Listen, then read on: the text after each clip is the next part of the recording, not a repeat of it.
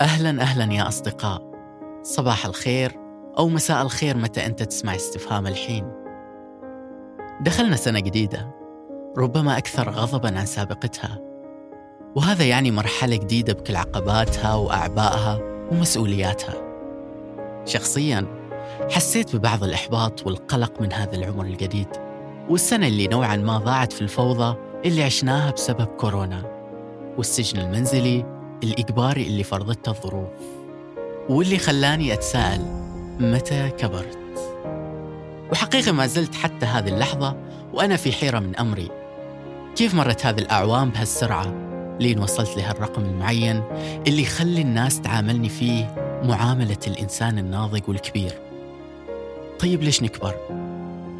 أو بشكل آخر ممكن نقول ليش العمر مرتبط بالرقم اللي إحنا فيه؟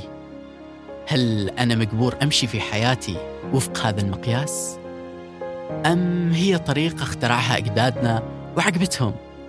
للمقايسة حالها حال الوزن والطول والمسافة يعني مجرد رقم يصف التناقص والتزايد لذلك سألنا أصدقاء استفهام وطلبنا منهم يصارحونا بالعمر الفعلي اللي هم فيه والعمر الروحي اللي يحسوا فيه من ناحية تصرفاتهم وتفكيرهم.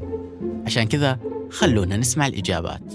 عمري الرقمي هو عمري الداخلي والروحي اللي أحس إنه يمثلني في كافة جوانب الحياتية والشخصية.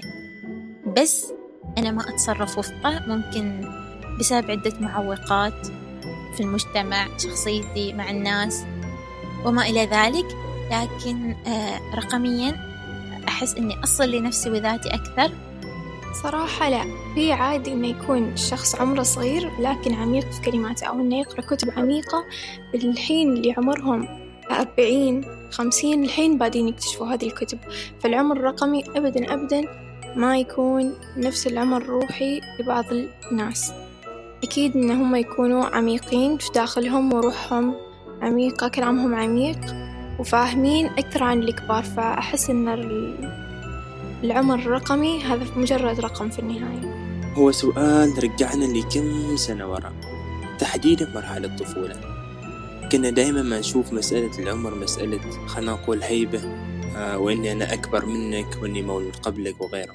بس ما كنا نشوف للجانب الآخر من المسألة اللي هي التصرفات والعمر الروحي وأسلوب حياة. بالنسبة لي شخصيا أشوف أن قد تكون تصرفاتي أكبر من عمري الحقيقي مع أن الحكم قد يكون أعدل لما يحكم علي شخص معايشني أو شاف تصرفاتي.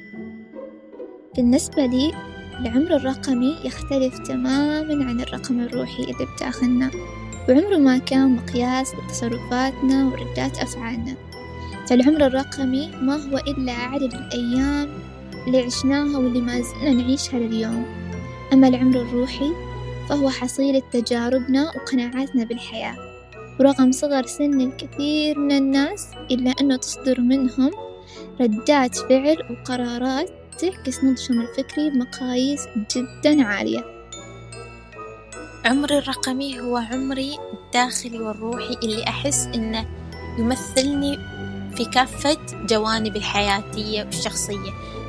بس أنا ما أتصرف وفقه. ممكن بسبب عدة معوقات في المجتمع شخصيتي مع الناس وما إلى ذلك.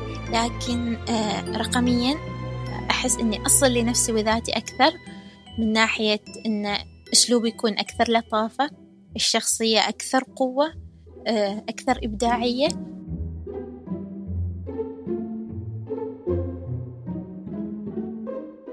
إذا يا أصدقاء الحياة مثل القطار السريع والأعمار فيه محطات. أحدنا يغادر مبكرا والآخر ممكن يتأخر. وما بين ذلك هناك محطات عديدة ومختلفة. كل شخص يترجل من القطار لينزل في المحطة المجهولة اللي كانت تنتظره أو اللي هو أصلا ينتظرها. لذلك عش رحلتك وكأن المحطة القادمة هي قدرك الأجمل. ولا تسمح أبدا لأحد يقتل متعة الرحلة وأنت لا زلت على متن القطار. أرجو لكم رحلة ممتدة وماتعة وسعيدة. يا سلام. في رحلة الحياة لا تظن أنها قصيرة مذهلة. فكم من راكب أراد وجهة لينتهي به